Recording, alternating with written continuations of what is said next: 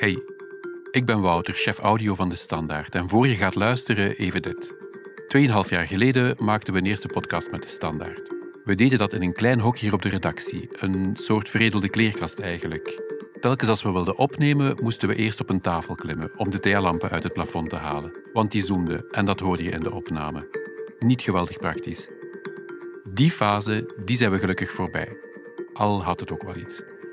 We hebben de voorbije 2,5 jaar voortdurend aan onze podcast gesleuteld, heel vaak op basis van de mails die jullie ons stuurden.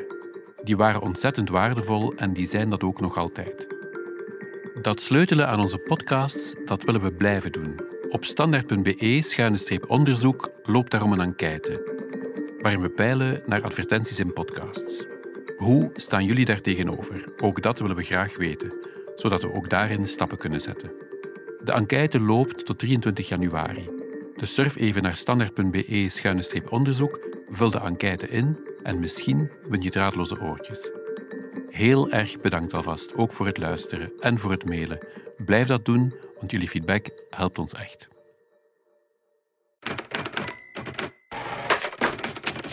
DS Audio. Journalistiek om naar te luisteren. Het huwelijk wankelt. We trouwen steeds minder en gaan steeds vaker uit elkaar. Ondertussen worden vrienden belangrijker en blijven ze vaak ons hele leven lang bij ons. Nemen vriendschappen de plaats in van het huwelijk? Het is maandag 20 januari. Mijn naam is Lise Bonduel. Van op de redactie van De Standaard is dit DS Audio.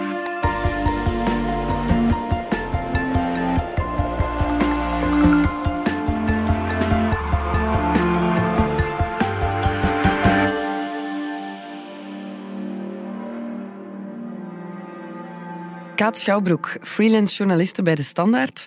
Jij schreef een artikel voor De Standaard magazine over hoe onze vriendschappen intiemer worden. Dat klopt, ja. We hadden eigenlijk op de redactie samen opgemerkt dat er toch wel iets aan het verschuiven was rondom ons. Dat we vaker zagen dat in cafés en koffiehuizen of in onze vriendenkring, dat mensen elkaar wel vaker vastpakken. Dat je ook ziet in die emoticon-cultuur die we ondertussen ontwikkeld hebben, dat daar toch wel veel hartjes en zoenen enzovoort over en weer vlogen. Dat er ook online veel geknuffeld werd. En... Uh, ik las ook ergens dat dat vooral iets was van de millennials.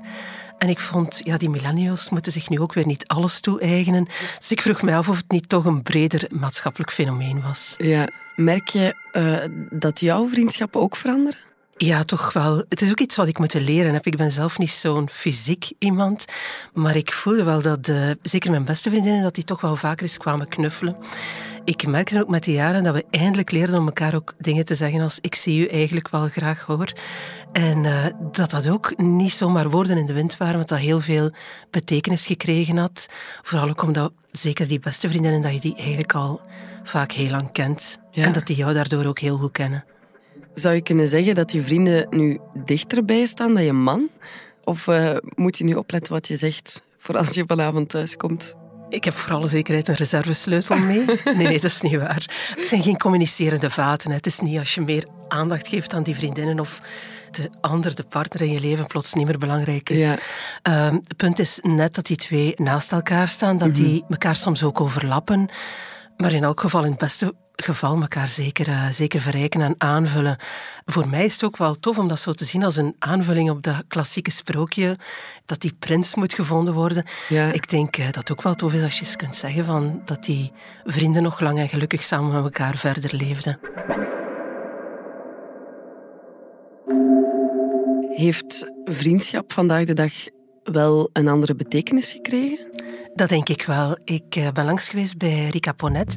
Ik ben uh, Rika Ponet. Ik ben seksuologe en relatiebemiddelaar. Zij is relatie-experte. En ik werk elke dag met mensen die ofwel op zoek zijn naar een lief of uh, de kwaliteit van hun liefdesleven willen veranderen, willen verbeteren. En volgens haar kan het ook niet anders dat je ook ja, een andere betekenis gaat geven aan, aan de relatie buiten die vaste relatie of de huwelijksrelatie. Mensen gaan vaker uit elkaar. Ze beginnen later aan een vaste relatie en toch hebben wij allemaal de behoefte om intiem verbonden te zijn met iemand. Waardoor je ziet dat uh, automatisch vriendschapsrelaties meer op het voorplan zijn gekomen. Dus eigenlijk gegaan van, een, uh, van de vaste dagschotel eigenlijk naar een enorme menukaart, liefst nog in Metze-stijl. Je zet alles samen op tafel en je proeft een beetje links en um, rechts. Er bestaat heel veel naast elkaar dat evenwaardig is. En die vriendschappen hebben daarin eigenlijk in die menukaart een, een uh, hele grote ja, plaats gekregen. Het is iets uh, dat niet gemist kan worden. Vroeger zag je ook dat mensen eigenlijk op zaterdagavond zeker vooral koppelsgewijs afspraken. Ja. En dat hoeft nu helemaal niet meer. Je kunt uh, gerust als twee vrienden of twee vriendinnen of zeven vrienden, vriendinnen onder elkaar uh, weggaan. Of ook perfect alleen aan een tafeltje gaan zitten en ervan genieten. Het is ook zo dat de singles uh, toch wel vaker, volgens Rika Ponet toch, dat singles toch wel vaker die klassieke relatie uh, in vraag durven te stellen. Voor veel singles is het vandaag zo dat die vriendschapsrelaties of een aantal vriendschapsrelaties, dat dat eigenlijk hun eerste relatie is of hun primaire relatie, zoals we dat dan zien. En dat wil zeggen dat dat eigenlijk hun um, steun en toeverlaat is, uh, ook een bron is voor stressregulatie. En we zien dat dat eigenlijk enorm aan belang is toegenomen. Zijn het enkel singles die hun vrienden dan weer innig omarmen? Nee, volgens Rika Ponet gebeurt dat echt overal, bij mannen en vrouwen en dus ook van alle generaties. En hoe komt dat? Wel, je hebt uh, enerzijds toch wel een uh, fenomeen dat uh, Rika Ponet zelf de zelfbewuste single heeft genoemd. Ja, het is niet langer zo dat je als single iets nog niet gevonden hebt. Je bent werkelijk al iemand. En je ziet dat ook wel in die glamourwereld een beetje gebeuren. Emma Watson heeft recent nog verklaard dat ze self-partnered is. Dus dat ze eigenlijk een relatie heeft met zichzelf. je ziet ook vrouwen die officiële ceremonies organiseren uh, waarin ze met zichzelf trouwen. Tegelijk, wat je ook ziet, dus naast die zelfbewuste single, is dat de vriendschap zelf wel veranderd is. Die heeft toch wel een sterk emotionele laag gekregen. Als ik nog eens naar die glamourwereld teruggrijp, er was die uitreiking van de Emmys in het najaar, waar dat Michelle Williams een heel emotionele speech heeft gegeven. En dan zat er iemand te wenen in de zaal. En dat was Busy Phillips, haar beste vriendin sinds 20 jaar. En die twee, je ziet dat ook na de uitreiking, hoe die elkaar vastpakken, aanraken, hoe die elkaar in de ogen kijken, dat is zo intiem. En wat dan nog een punt is zeker, dat is dat we er toch ook wel weer meer tijd voor lijken uit te trekken voor die vriendschappen. Daar heeft Rika Ponet ook nog op gewezen, dat zeker in de jaren tachtig gingen wij heel erg voor die zelfontplooiing, me-time, zeker alle kansen grijpen die we hadden gekregen en die onze ouders niet noodzakelijk hadden gekregen. Ik hoor vaak van mensen op latere leeftijd, en dan heb ik het over zestigers, zeventigers, hoe zij soms ook in de loop van hun leven vriendschap niet altijd even sterk onderhouden hebben of gewaardeerd hebben. En zo in het spitsuur van het leven dat wat uit het oog verliezen. En ik hoor bijvoorbeeld ja, toch wel wat rijpere vrouwen en mannen die dan aangeven, ik besef nu wat het belang daarvan is liefdesrelaties komen en gaan of zijn niet altijd even kwalitatief. En een aantal vriendschappen zijn dat eigenlijk wel gebleven en ik geniet nu ook veel intenser van die vriendschappen. Is die hechte vriendschap dan een unieke trend voor onze generatie nu? Nee, toch niet. Dat is altijd de grote verleiding als we een trend zien passeren en we denken van, oh, dat is typisch iets voor ons. Uh, er zijn zeker aspecten aan die hedendaags zijn. Het feit dat ze binnen het relatielandschap een nieuwe plaats hebben gekregen.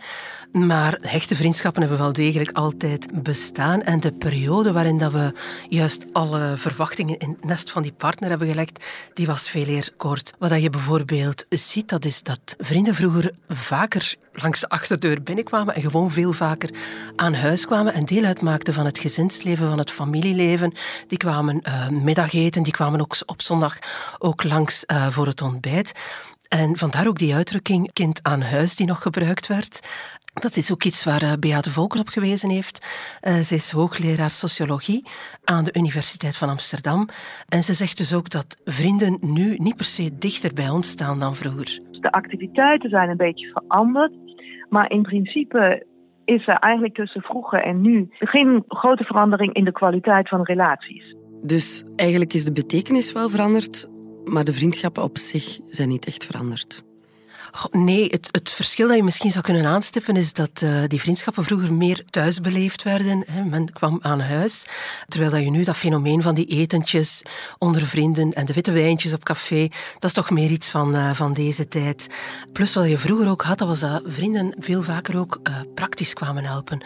Er moest ergens een muurtje gesloopt of gebouwd worden, een dak gelegd worden, bij de grote schoonmaak, ook bij de opvang van kinderen. Dat, dat, daar was wel wat meer praktische ondersteuning, dat wij daarvoor nu de coach uitgevonden hebben of uh, allerlei praktische huishoudelijke hulp die ons daarbij kan ondersteunen.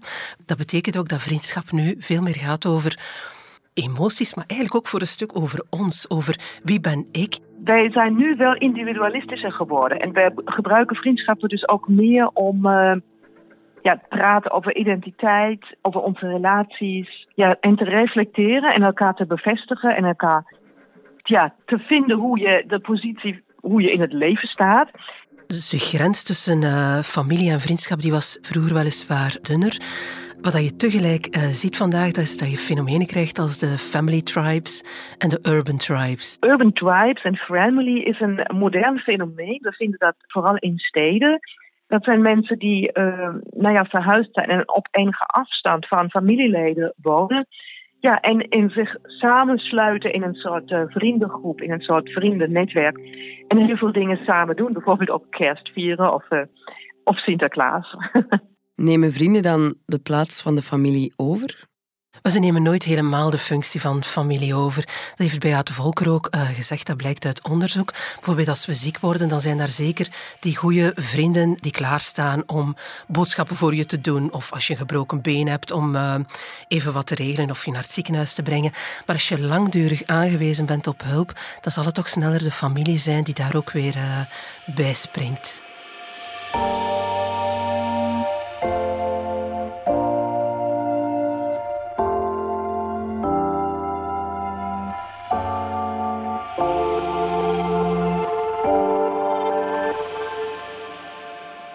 We zijn zo terug. Profiteer bij Renault van saloncondities op al onze modellen. Ah ja? Geniet bijvoorbeeld van 8.300 euro aan voordelen op Renault Kadjar. Nog hè? Tot 31 januari in het hele Renault-net. Zondag inbegrepen. Yes! Aanbod onder voorwaarden.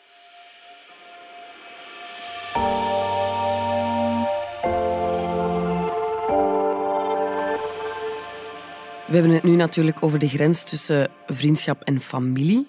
Maar hoe zit het met de grens tussen vriendschap en liefde? Wordt die dan ook dunner? Volgens Rika Ponet gaan we over het algemeen in elk geval lijfelijker met elkaar om. En dat is ook iets wat we heel sterk meegegeven hebben in de opvoeding van onze kinderen. Ja. Dat knuffelen, die affectie, het belang van ook wel fysieke nabijheid. En dat maakt ook wel dat die nieuwe generatie daar veel ontvankelijker voor geworden is. En het is toch wel ongelooflijk mooi om dan te zien, bijvoorbeeld in koffiehuizen of gewoon in de straat, dat mensen elkaar is goed durven vastpakken, dat ze elkaar ook fysiek nabij durven zijn, omdat net dat huidcontact zo belangrijk is voor mensen. Ja, dat is ook vanuit wetenschappelijke grond dat we daar vandaag verklaringen voor hebben. En neurologisch weten wij vandaag dat dat de band tussen mensen, dat dat die daardoor bevorderd wordt, dat dat helpt om te ontstressen, dat we daardoor ook mensen als aangenamer um, ervaren. Het is eigenlijk de meest directe weg naar de andere. En uh, dat is ja, wat jonge mensen uh, veel meer door al hebben, denk ik. Dus die intimiteit die daar ontstaan is, die lees je toch ook wel af aan de, ja, aan de berichten via WhatsApp of sms of Messenger. Daar vliegen behoorlijk wat hartjes en knuffels uh, heen en weer tussen vrienden. Rika Panet is daar ook ongelooflijk door gefascineerd, door, door dat gegeven, dat we eigenlijk via die manier ook dingen zeggen die we niet altijd onder woorden krijgen. We blijven uiteindelijk nog altijd ook een beetje toch die wat stuurse Vlamingen. Um, die niet zo makkelijk, zoals dat dan in uh, films gebeurt, zeggen: uh, Ik hou van jou en ik vind jou leuk en uh, je bent mijn beste vriendin, dat soort van taal. Maar via emoticons lukt ons dat veel beter. Dingen als ik zie u graag, soms is dat moeilijk nog om te zeggen, maar zo'n hartje kan dan wel de drempel verlagen om het er op een later moment toch over te hebben. En dat ziet er onnozel uit, zo'n hartje, maar iemand die zegt van ik ben er voor jou of ik ben zo blij dat jij er voor mij bent, want dat is belangrijk, dat geeft je op een of andere manier wel bestaansrecht. Ja. Dat krachtige gevoel dat je ertoe doet. En dat zijn eigenlijk wel allemaal dingen die we traditioneel ook bij onze partner hebben gezocht.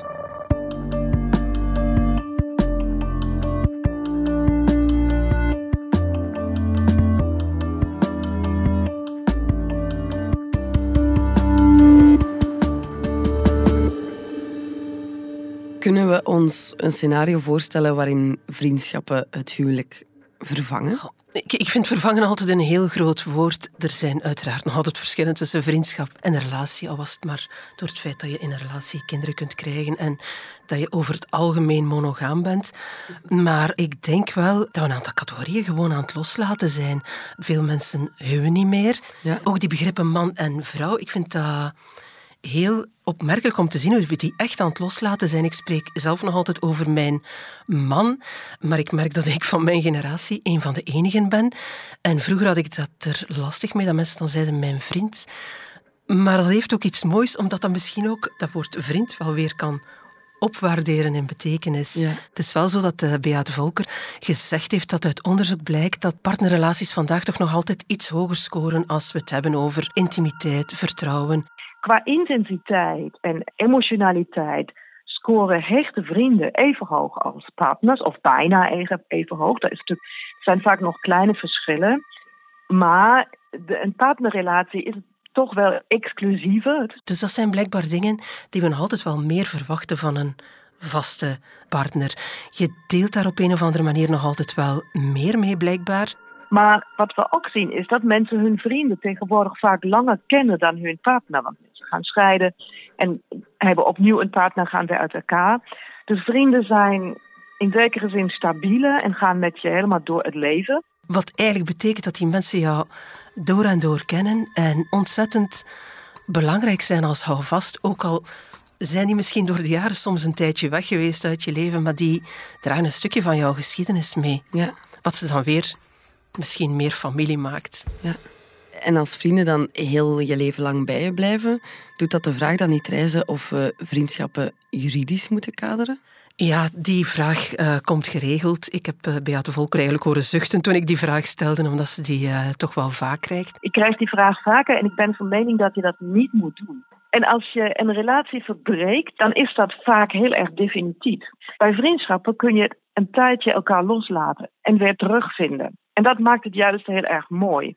Als je dat nou contractueel gaat vastzetten, dan heb je een contract verbroken als je elkaar loslaat. Dan is het veel moeilijker dat weer terug te halen. Als vrienden voor elkaar zorgen, zou het fijn zijn dat juridisch te regelen. Maar dat moet je dan gewoon per geval doen. De Vlaamse regering heeft eigenlijk al zo'n soort best friends regeling uitgewerkt voor de erfenissen. Uh, maar de vraag is inderdaad of het nog verder kan gaan.